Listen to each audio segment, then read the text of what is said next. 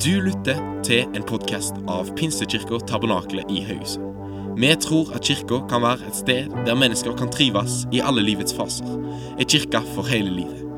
Ønsker du å bli bedre kjent med oss, gå inn på våre sosiale medier eller på pkth.no. Her kommer ukas tale.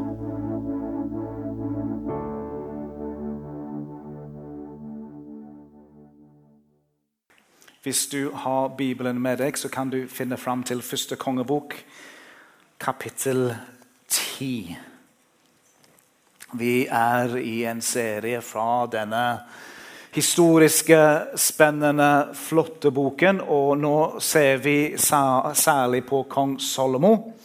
Og vi har sett på kapittel 3, hvor Gud gir Solomo visdom. Og vi har sett på kapittel 8, hvor Solomos tempel blir innviet. Det var vi forrige søndag, og denne søndagen er vi i kapittel 10. Um, ehm, hvor det skjer en historisk hendelse som uh, ellers ikke fins noen annen plass i noen annen skrift eller transkript eller tekst. Det er kun pga. dette kapitlet at vi hører om dette møtet. Nå skal jeg lese fra vers 1 og ned til vers 13 i Jesu navn. Da dronningen av Sabe hørte gjetordet om Salomo pga. Herrens navn, kom hun for å sette ham på prøve med vanskelige spørsmål. Hun kom til Jerusalem med et meget stort følge, med kameler som bar krydder, store mengder gull og edelsteiner. Og Da hun kom til Salomo, talte hun med ham om alt som lå henne på hjertet svarte Salomo på alle spørsmålene hennes. og Det var ingenting som var så vanskelig for kongen at han ikke kunne forklare det for henne.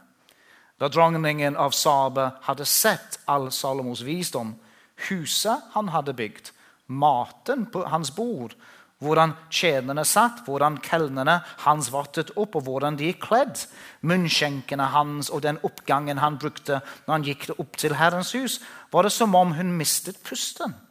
Da sa hun til kongen, så var det sant det ordet jeg hørte i mitt eget land om dine ordspråk og om din visdom. Men jeg trodde ikke på disse ordene før jeg kom og fikk se det med mine egne øyne.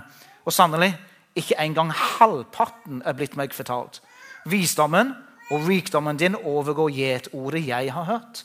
Lykkelige er dine menn, og lykkelige er disse tjenerne dine, som alltid får stå hos deg og høre din visdom.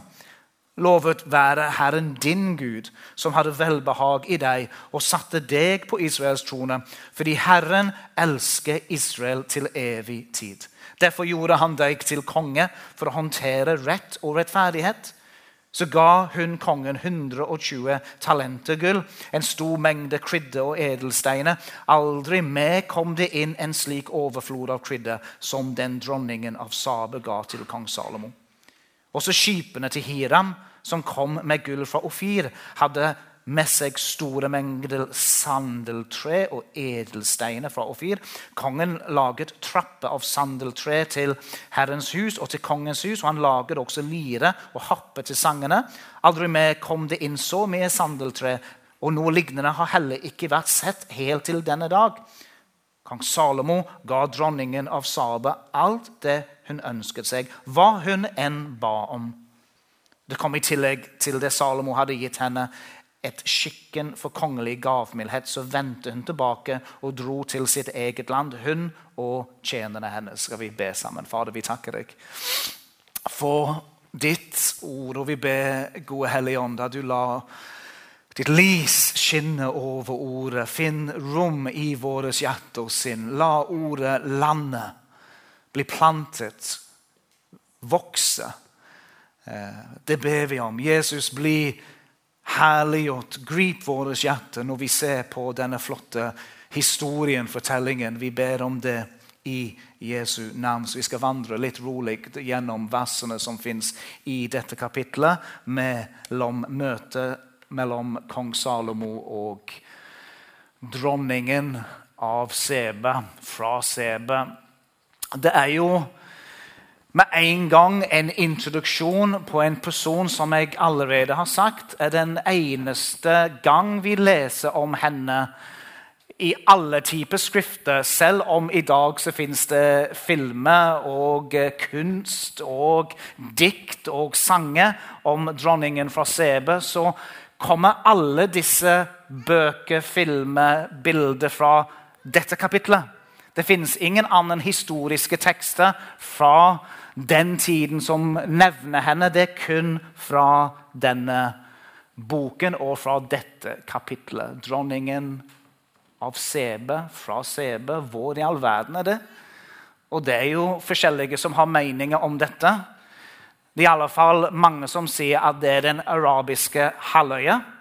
Og så nevner de et par land som de antagelig Det er mest sannsynlig at hun kommer derfra. Det ene er Jemen. Det andre er Etiopia. Og det er kanskje noen land som andre har hørt om. Men de lærde de sier mest sannsynlig så er det fra disse landene hun måtte ha kommet fra. Så med en gang så forstår man at hvis hun skulle ha reist fra Etiopia, fra Jemen til Jerusalem, så er det et godt stykke. gjort en sånn rask sånn Google-beregning, og i alle fall i overkant av 1600 km på kamel eller fot. Jeg antar det var kamel siden hun var dronning. Men man forstår at hun har reist meget langt for å komme til Salomo fordi hun har hørt Og nå er ordet i den kapittelet vi leser, gjetord, men det er rykte.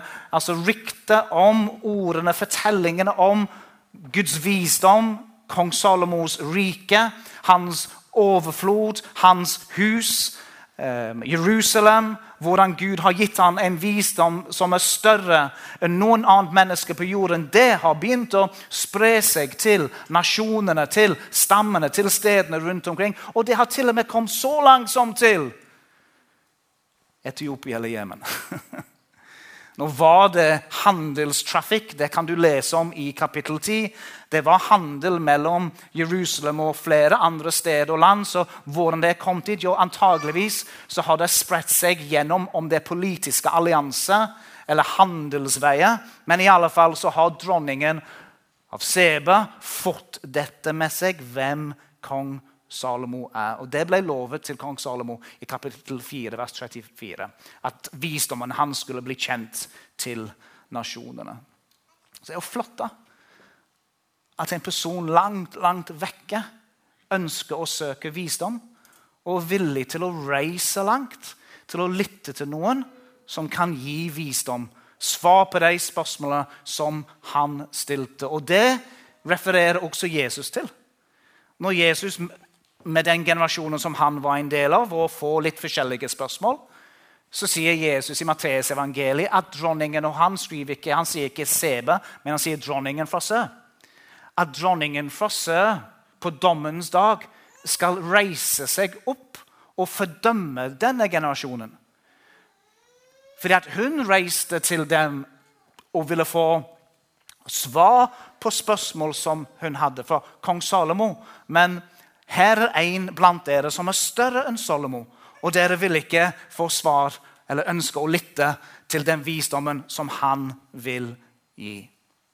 Men i alle fall Dronningen er nå kommet til Jerusalem. og Når dronningen kommer til Jerusalem, så får vi lese at da dronningen av Sabe hørte gjetordet om Salomo pga. Herrens navn Og Når det står Herrens navn, så betyr det tempelet som er blitt innviet, som vi snakket om sist. Så det er noe med dronningen av Sabe som har en, en åndelig lengsel, om du vil. Det er ikke kun at hun har forstått og hørt at Salomo er smart, er klok, kan svare på spørsmål. Det er noe undertone i teksten som sier at det, det var nok ikke spørsmål som handlet om fysikk eller handelsordninger eller politiske spørsmål. Kanskje hun var borti det. Men det står det at når hun kom, så kom hun for å stille han vanskelige spørsmål. Eh, på engelsk står det i én oversettelse 'riddles'. Altså ordspill på en måte. Klarer du å løse dette? Men det er ikke tvil om at og det møter vi gjennom teksten, at det var en, en, en åndelig lengsel hos dronningen fra Sabe som drev, tror jeg, spørsmålet hennes. Og hun stilte, vil jeg anta, dype spørsmål. Spørsmål om livet. Spørsmål om hensikten med livet, spørsmål om hva skjer etter dette livet. Spørsmål, Vanskelig spørsmål, sjels spørsmål, hjertespørsmål. Du vet de type spørsmål som du møter på kanskje når du går gjennom vanskelige sesonger i livet. Kanskje når du møter på sykdom, kanskje når du møter stengte dører. Kanskje når du står i omstendigheter hvor du tenker at nå kommer jeg ikke gjennom dette. Det er tåke i alle retninger. Hvordan klarer vi å lose oss igjennom? Det er de dype spørsmål som hun ville stille Salomo. Det tenker vi nok alle sammen på iblant. Og så står det så fint at hun fikk lov til å dele alt som lå henne på hjertet. Er ikke det et flott ord? Jeg fikk lov til å dele alt det som lå henne på hjertet. Når jeg var en uh, ung mann, når jeg var en yngre mann, da jeg var pastor i Ålesund, så ble jeg kjent med en som ble et rollemodell for meg, som heter Win Lewis. Og Win Lewis han var pastor for Kensington Temple i London, og han var leder for pinsebevegelsen i England.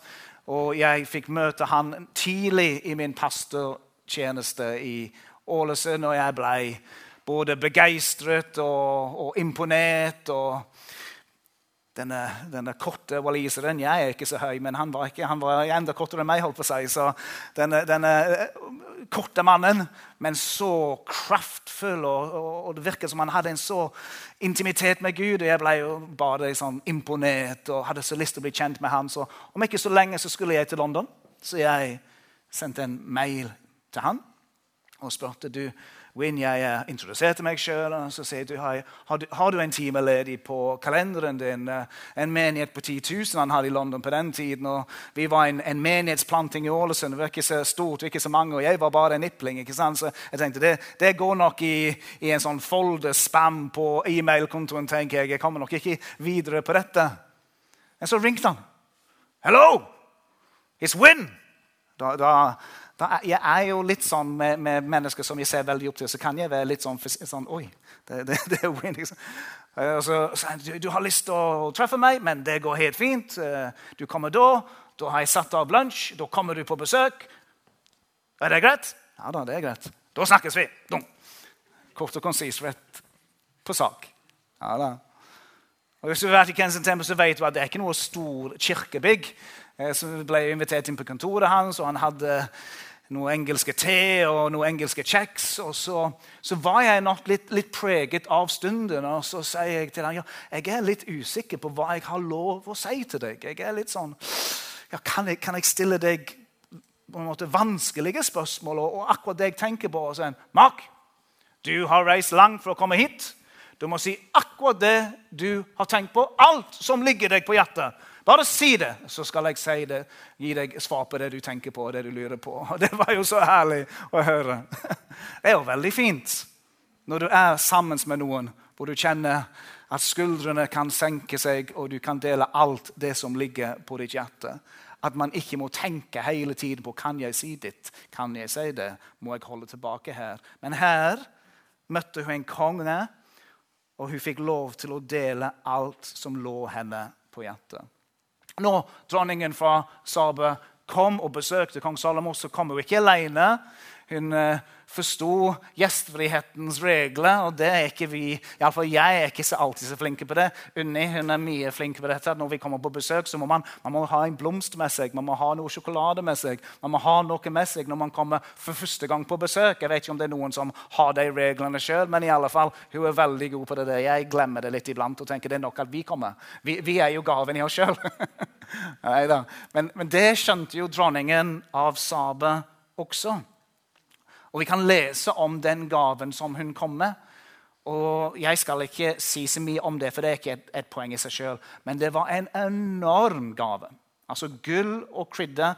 Krydder som Jerusalem aldri har sett maken til og aldri hadde vært så store gaver før. Men gullet, mengde gull og verdien på gullet var helt hinsides. Så kanskje når Salomo så denne gaven, så tenkte han på det hans far David hadde bedt for. David han nevner dette med gullet til Saba. Og Han skriver i Salme 72, vers 15.: Sabas gull skal gis han, og for ham skal det alltid stige opp bønner. Og hver dag skal han lovprises. David som profeterte og tenkte på Salomo. Og Salomo husket da plutselig denne bønnen. Og mengden og gaven var så imponerende stort at til og med profeten Isaiah skriver om dette. I Isaiah 60 så sier profet Isaiah alle fra Sabe skal komme. Gull og røkelse skal de ha med seg. Så at dronningen fra Sabe hadde en imponerende innkomst og, og, og, velkomst og gaver, ja, det er det ikke noe tvil om. Og så vet vi det at Da delte hun fra hjertet sitt, og hun stilte han de vanskelige spørsmål. Som for eksempel Hvem fant på kumle? Og hvem kan tenke seg å ha sukker på kumle? Det er et vanskelig spørsmål. det. Den har jeg grubla mye på, og jeg har liksom ikke helt å få svar. Det er litt tull, da. Det var nok ikke sånne spørsmål. Men det var nok andre spørsmål, og det var nok disse vanskelige spørsmål. Og kanskje du har vært i situasjoner hvor du har hatt slike spørsmål innenfor Gud. Og det tenker jeg skal sies. At når vi går gjennom smerte eller skuffelse eller hva det måtte være, så tåler Gud vanskelige spørsmål. Det er ikke slik at vi ikke kan komme til Gud også med de vanskelige spørsmål. Og det kan jo være vanskelige spørsmål i forhold til tro. At det er ting man ikke forstår rent trosmessig. Hvordan kan jeg forstå dette som jeg leser om i Bibelen? Og Det fins det gode bøker om, om du vil, og det fins gode apologeter som kan forklare ting og som kan hjelpe oss å forstå den troen som vi er en del av, som vi har. Men så er det også spørsmål som er på sjelsplan, hjerteplan. Hvorfor skjedde dette meg? Hvordan kunne du tillate at? Sant? Hva, hva, er meningen med at dette skjer nå? Hvorfor ser jeg ikke sant? disse dype og disse vanskelige spørsmål? Og jeg, jeg, har tenkt på det. Og jeg har tenkt på hvordan, hvordan, hva er den beste måten å møte de type spørsmål som jeg har kjent på i mitt liv, og kanskje du også har kjent på. Og Da har jeg tenkt på å minne oss alle sammen om at kong Salomo han hadde visdom. Jesus han er visdom. Så Kong Salomo, han, han, Gud ga han visdom, slik at han kunne skjelne, han kunne dømme rettferdig. Men Jesus er visdom. slik at Når vi har disse spørsmålene som vi ikke forstår, som vi går gjennom, så hva, hva er den beste stillingen? Jo, den beste stillingen som jeg kan ha med mitt liv, det er Marie-stillingen. Det beste jeg kan gjøre når jeg har de type spørsmål som, som dronningen av Seba hadde, er at jeg setter meg med Jesus sine føtter.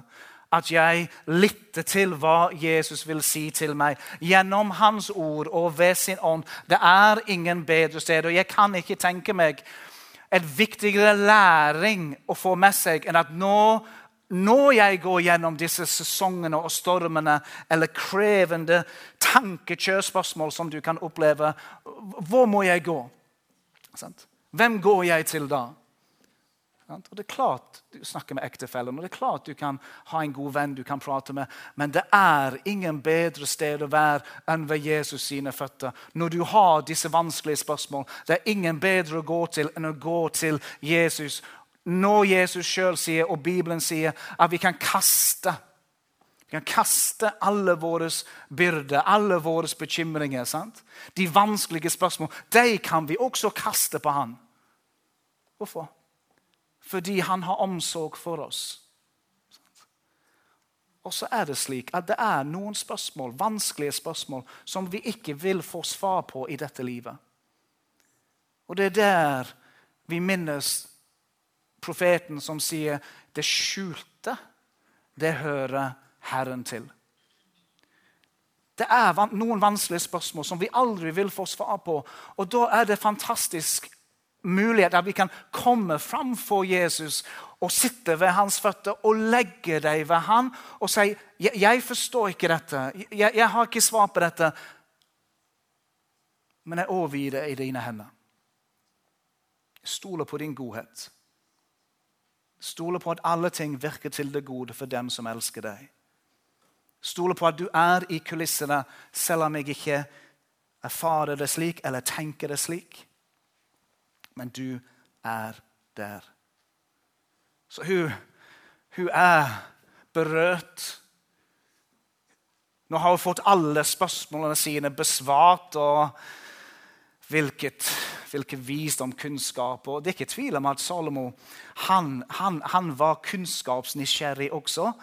Ikke bare at han kunne og fikk visdom fra himmelen, men han, han var smart, han var klok, han var nysgjerrig. Han lærte. Så han ble, ble berørt av det. Og så står det at hun, ble, hun så Herrens hus. Og I særlig grad så, så tempelet hans. Tempelet palasset. Palasset som tok 13 år å bygge. Og så står det at hun så maten. maten som hadde blitt laget, og koppene og kelnere og detaljer om på en måte Når hun så, kikket seg rundt og så alle disse forskjellige tingene i hans eget palass, i hans eget hus, så skjer det noe med hun, Og det er jo et flott ord. vet du. Da står det at hun mistet pusten. Hun mistet pusten. altså så overveldet av både kong Salomo og av bygningen og av de som satt der ved bordene og tjente. Hun mistet pusten av å være sammen med kongen og se kongen. Halleluja. Det er herlig. Tenker, hva, hva, har du noen gang mistet pusten av noen? Jeg skal ikke gå inn på historie der, men det å miste pusten det å bli overveldet hva, hva, hva, beskrives her? Jeg tenker at Det kan ikke være annet enn hvis vi skal ta det i, i nye testamentlige språk, så er det nesten som om hun ble født på ny. Fordi at Hun begynner liksom å skrive og si noe senere at når jeg var i mitt hjemland, så hørte jeg ting om deg. Jeg hørte om ditt rike, jeg hørte om, om huset og plasset. Og jeg tenkte ja, ja. Det kan ikke være så bra. Ja, litt grann, kanskje. Men jeg var tvilende. Jeg var kanskje en agnostiker. Det kan jo være noe, men jeg veit ikke. Men så kommer hun, og så ser hun for sine egne øyne da og sier 'I'm a believer'. Nå ser hun og sier halvparten av det som var sagt om deg. Og ditt hus og Jerusalem. Om halvparten var sant, så hadde det vært stort. Men det var ikke halvparten engang når jeg ser meg rundt omkring. Og hun ble forvandlet fra å være en agnostiker til en troende. Møtet hennes med kongen det endret hennes liv. Sant? Var det noen som har en erfaring med det? Vi kan ha så mye kunnskap, man kan lese så mye fortellinger. Man kan så mye Bibelen. Vi snakket litt om dette også forrige gang, at Spørsmålet er ikke om du har en bibel, spørsmålet om Bibelen har deg. Spørsmålet er ikke om du har hørt om Jesus. Spørsmålet er om, om Jesus har deg. Om du er født på ny. Så Hvis man skal bruke Nye testamentlige begrep, så er det dette at nå blir dronningen av Sebe hun har blitt født på ny. Hun har møtt kongen, og jeg kan godt vitne om det. Jeg kan godt vitne om den dagen jeg sjøl hørte evangeliet. Og Den hellige ånd og Det forstår man ikke når man hører evangeliet for første gang. Du forstår ikke hvilken åndelige dynamikker som er i gang. Men når jeg hørte evangeliet, og jeg sier Da skjønte jeg at det er sant. Jeg forsto det, det, det du sier om Jesus, om min sinn, om min behov for en frelse, om å bli født på ny. Jeg forsto det var sant. Hva er det jeg sier? Jo, da, da Den hellige ånd Den hellige ånd arbeider på hjertet mitt. Den hellige ånd overbeviser meg om min sinn. At jeg trenger hans rettferdighet og hans liv. Slik at når jeg går tilbake til teltet den kvelden og ber den bønnen der fordi at jeg er så overbevist om at jeg trenger Jesus nå jeg forstår kongen er der, og nå, nå, nå trenger jeg å møte kongen for meg sjøl. Jeg har sunget om kongen, jeg har hørt om kongen. Nå må jeg møte kongen. Og når jeg ber den bønnen, så var det den viktigste dagen i mitt liv et faktum. Glede ubeskrivelig. En unektelig, overveldende fred. Jeg hadde sett kongen. Og det er sikkert flere her som har gjort det. tror jeg. Vi er en kirke. Tenk på den dagen du møtte kongen. Og du sa 'Kong Jesus'. Frels meg. Det endret alt. Det endrer retningen av livene våre. Det endrer hvordan vi er som foreldre, hvordan vi er som arbeidstakere, venner. Det, det, det snur opp ned på vårt liv. slik at nå har hun sett kongen, du har sett kongen, men hør nå. Ikke bare har du møtt kongen, men en dag så skal vi møte kongen. Halleluja. Du har sett noe av hvem kong Jesus er. Vi har, vi har, evangeliene, vi har Det nye testamentet, vi har Ånden, vi synger sangene om Jesus. Men jeg bare sier én ting. Den dagen vi forlater denne jorden og kommer til himmelen og møter kong Jesus, da sier Paulus noe om dette. Han sier i 1. kor 2, 9-10.: Det øyet ikke har sett, og øret ikke har hørt det som, ikke, det som heller ikke har kommet opp i menneskets hjerte, det som Gud har forberedt for dem som elsker ham. Du aner ikke hva som er deg i vente. Ingen øye har sett, ingen øre har hørt. Den dagen vi ser kong Jesus, når vi kommer til himmelen, ja, hvilken dag det skal bli. Det, det himmelhåpet, den forventningen til å møte kong Jesus når vi kommer til himmelen, ja, det er enormt. også. Så hun, bare, hun, er, hun er litt nyfrelst nå. Det, er jo det som skjer. Hun er så begeistret for kong Salomo, for Herrens hus, for det hun ser, at hun er, begynner liksom å vitne. Det er det hun gjør. Og ikke bare vitner hun på en måte om at dette var flott. Dette, det, nå, nå, flyter det litt over. Hvis du ser I vers 8 så sier hun at 'lykkelige er dine menn'. Og lykkelige er disse tjenerne dine, som alltid får stå hos deg og høre din visdom. Det er jo fantastisk. De er, de er, se, se, på den gjengen her. Da. De er så velsignet. De er så salige. De. de får høre og de får lytte til det du sier, kong Salomo. Hvor lykkelige er ikke de? Hvor velsignet er ikke de? Og det skjønner vi at det er flott. Det forstår vi at det måtte vært en fantastisk opplevelse å stå og lytte til den visdommen som kong Salomo opplevde. Men jeg bare minner oss alle sammen om jeg har lyst til å si til oss alle sammen, du er enda mer lykkelige. Du er enda mer salige. Du har en større velsignelse. Fordi at Hvem får du lov til å lytte til? Ja, Du lytter ikke til Salomo, men du lytter til en som er større enn kong Salomo. Og du lytter til Jesus. Du får lov til å lese Jesus sine ord, lytte til Jesus sine ord. Bare du kommer inn disse dørene på en søndag, så er du velsignet. Kan jeg få en amen? Det er en vanskelig forsamling, dette. Jeg er glad i dere, men jammen kan vi bli bedre på dette her også. Jeg preker bra, jeg nå. Takk skal du ha. Men iblant så kan vi disse enkle sannhetene om hvem vi er i Kristus, hva vi har fått i Kristus, at vi kan lese fra denne boken, at vi kan komme sammen og lytte til Guds ord Vi er mer velsignet enn de som sto i Salomos tempel. Og jeg må si deg, jeg kunne godt stått i Salomos tempel. Jeg hadde veldig likt å vært der både i kapittel 8 og i kapittel 10. Tenk å stå der med en kaffekopp klar til å gi til kong Salomo. Og du bare venter. Hva skal han si nå? Hva skal han si nå? Hør, hør, hørte du det? Uh, tenk at han klarte å komme på det i den situasjonen. Det, han, han Salomo også. Vi er så velsigna at vi får lov til å tjene vår mann. Han er konge, det. Har du hørt kongen fra Egypt? Ja, det er bare noe tull av oss. Men den kongen vi har, han kjenner Gud, han. Det er så tydelig. Og det, det, er jo flott. Jeg kan, se for meg hvordan det måtte vært å være i det rommet og på det stedet. Men igjen, la meg minne oss om på samme måte som vi gjorde forrige søndag, at det hvor to eller tre er samlet i Jesus sitt navn Han er her. Han er her. Så han beveger seg, han arbeider slik at når vi sitter og lytter, så, så er vi salige. Vi er velsignet fordi vi får lov til å lytte til Jesus sine egne ord, til Kristi ord. La Kristi ord bo rikelig iblant dere.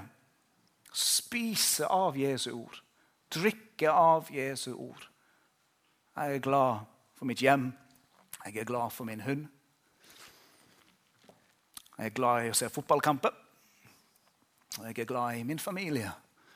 Sant? Alle disse tingene er velsignelse fra Gud. Men det at jeg kan lese Jesus sine ord og lytte til forkynnelse om Jesus, at det er enormt. Lykkelige er de som får høre din visdom. Lovet være Herren din Gud. Og Nå står ikke dette i, i din bibel, men husk, hun er en hedning. Hun kommer fra et sted med flere guder.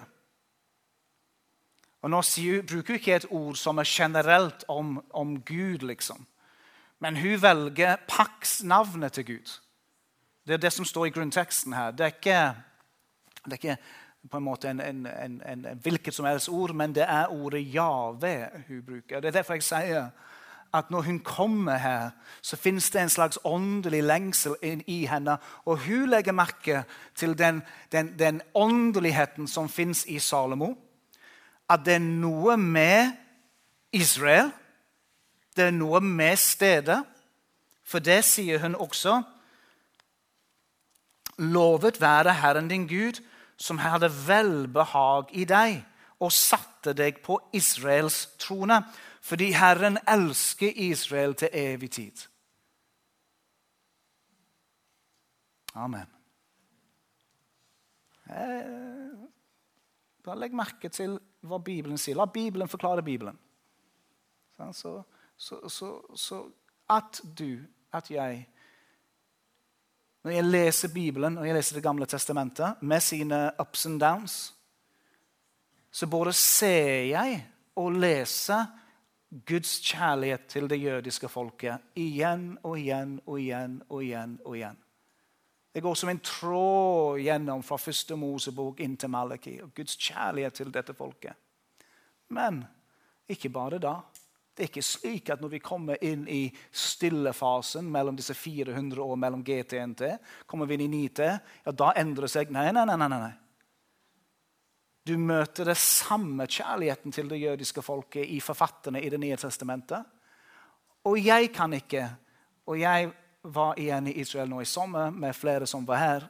Og det er flere her som har vært i Israel flere ganger også. Jeg kan ikke annet enn at når jeg er i Israel i dag også, forstå Gud, du må, du må elske dette folket og se Guds mirakler i det landet, blant det folket, og se hva Gud fortsatt gjør, og hvordan han bruker dette folket. At Gud elsker dette folket, at det er ikke tvil om i mitt hjerte. Og at denne kjærligheten den er til, til evig tid. Det er ingen tidsbegrensning på dette. Det er langt inn i evigheten hun er grepet av dette. Så begynner hun å skryte av hans rike. Så gir hun kongen 120 talenter gull, en stor mengde krydder og edelsteiner. Aldri mer kom det en slik overflod av krydder som den dronningen av Sabe ga til kong Salomo. Også skipene til Hiram, som kom med gull fra Ofir, hadde med seg store mengder sandeltre og edelstener fra Ofir. Kongen laget trapp av sandeltre og, så videre, og, så videre. og kong Salomo ga dronningen av Saba alt det hun ønsket seg, og hva hun enn ba om. Og Det kom i tillegg til det Salomo hadde gitt henne etter skikken for kongelig gavmildhet. Så vendte hun tilbake og dro til sitt eget land, hun og tjenerne hennes. Så hva skal vi si? Nå er hun igjen begrepet av og begeistret for det hun ser av Salomos rike. Freden i hans rike tryggheten i hans rike, velstanden i hans rike, trygge grenser, gode allianser. Og hun, hun, er så imponert av hva kong Salomo har fått til, og hva som har preget dette fredsriket som kjennetegner kong Salomo sitt rike. Og Nå har du hørt hvilken spor jeg er i. Og Det er fantastisk å se hvordan Gud hjalp Salomo, ga han visdom, trygget hans grenser, velsignet han med overflod. Men vi tilhører et herligere rike enn kong Salomos rike. Ja, det, det, er et herlig rike, dette. Men vi er en del av Guds rike, et rike som består av rettferdighet, glede og fred i Den hellige ånd. Dette riket er vi en del av. En ustoppelig rike, en grenseløs rike. Et rike som ikke holde seg og forholde seg til et fysisk sted, men som, som brer seg ut over hele jorden og alle stammer og alle farger. Utdannet, ikke utdannet. Hvilket rike. Hvilken velsignelse. Vi får møte kongen, vi får høre kongens ord. Vi får stå i og være en del av kongens rike. Alt dette er salighet og velsignelse som Gud har gitt oss. Og så står det dette. Nå, nå, har hun gitt noe til kong Salomo. Og så står det at han sier at du kan, du kan be om hva du vil. Spør om hva du vil, så skal jeg gi det til deg. Spør om hva du vil, så skal jeg gi det til deg. Jeg håper du får litt, uh, litt tanke når jeg sier dette. Når du ber om hva du ber om, Spør om hva du vil. Jakob han sier du, du får ikke fordi at du, du ber ikke. Spør ikke, du ber ikke. Jesus sier be, så skal du få. Bank på, så skal det lukkes opp for deg. Leit, så skal du finne. Hebreerbrevet sier at vi skal komme frimodig fram for nådens trone. Trone, kong Jesus. Vi skal komme frimodig fram for hans trone. Be, så skal du få. Be, be, be. Be tidlig, be seint. Be når du føler for det. Be når du føler for det. Be stille, be høyt. Vi er invitert til å snakke, be til kong Jesus, og kong Jesus han hører når vi ber. Ja, Det er ikke alltid du har hørt meg si dette, det er ikke alltid vi får det svaret som vi ønsker. Nå, kong Jesus, kong Jesus, som er visdom, han vet hva du trenger. Ikke vær redd. Jesus snakker om kong Salomo også. Han, han, sier, 'Se på liljene'. Salomo i all sin prakt. Han var veldig opptatt av å se flott ut, han kong Salomo. Han var glad i gull og sølv. Alt, alt, alt, det som hører med det. Men Jesus han sier at til og med kong Salomo i all sin prakt var ikke så flott som blomsten, som liljene, som min far i himmelen. Så ikke, ikke bekymre deg. Din far i himmelen, det riket som du er en del av. Gud har omsorg for deg. Gud bryr seg om deg. Halleluja. Men be. Ta tid til å be, ta tid til å søke Gud, ta tid til å komme sammen og be. Gud hører når du ber, Gud svarer når du ber. Det er, tenk at vi har det privilegium at vi kan snakke med kong Jesus, og han hører når vi ber, og han svarer. Hvilken kraft det fins i bønn.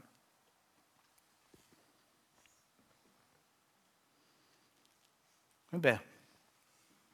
Etiopia. Så tradisjonen sier at det var noe hun ba om. Etiopisk tradisjon. Du får si ifra hvis jeg tar feil. her. Jeg har bare lest dette. Men etiopisk tradisjon sier at det hun ba om, det var å bli gravid med kong Salomo. Og hvis vi kjenner Salomo, så tror jeg ikke det var noe han sa nei til heller. Han var glad i jenta, han. Slik at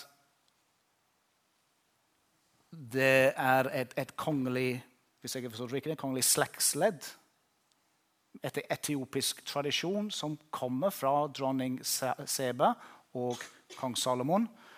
Og det var Halasi. Ja, Halasi. Haile Salasse. Ja. Som for ikke så lenge siden egentlig gikk vekk. Og han var den siste i det kongelige slektsleddet, som spores helt tilbake igjen til kong Salomo. Tradisjonen sier. Men hun fikk det hun ba om, det som lå henne på hjertet. Historien til Salomo, og vi skal avslutte med han neste gang jeg taler, som om 14 dager. Hvis vi går tilbake til kapittel 3, så sa vi at det var noen små hint til at det er et problem med hjertet til Salomo. Det er noen små sprekk i fundamentet. Du må se nøye etter, men det er kanskje noe med hans hjerte som ikke er det det skal være. Og Så kommer vi til kapittel 10, og så har du kanskje ikke merket det samme.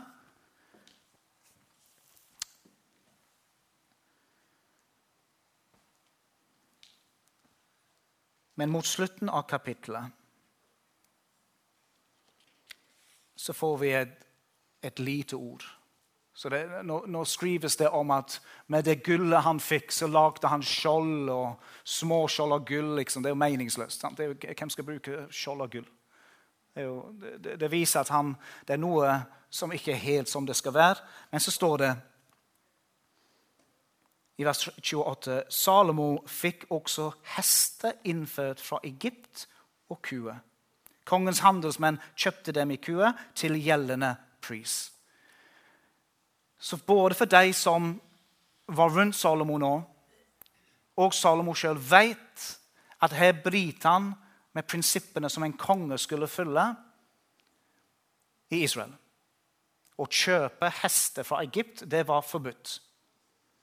Og Noe av dette så ser man helt fra kapittel 10 inn i kapittel 11, som vi skal etter hvert snakke om, hvor det er, det, det, det er gode ting med han, men det er noe i hans hjerte som ikke er det det skal være. Det finnes noe sprekk i hans liv som blir stadig større og større og større, som til slutt får alvorlige konsekvenser. Både for han sjøl og for det riket som han leder. Han hadde på en måte helt fra starten av et delt hjerte som fører til et delt rike. En spennende historie. Takk for at du lytta til vår podkast. Vi håper at undervisningen kan være til inspirasjon og hjelp inn i din livssituasjon. Du er hjertelig velkommen til møter i Pinsekirken Tabernakel Haugesund klokken tolv på søndager. Ha ei velsigna uke videre.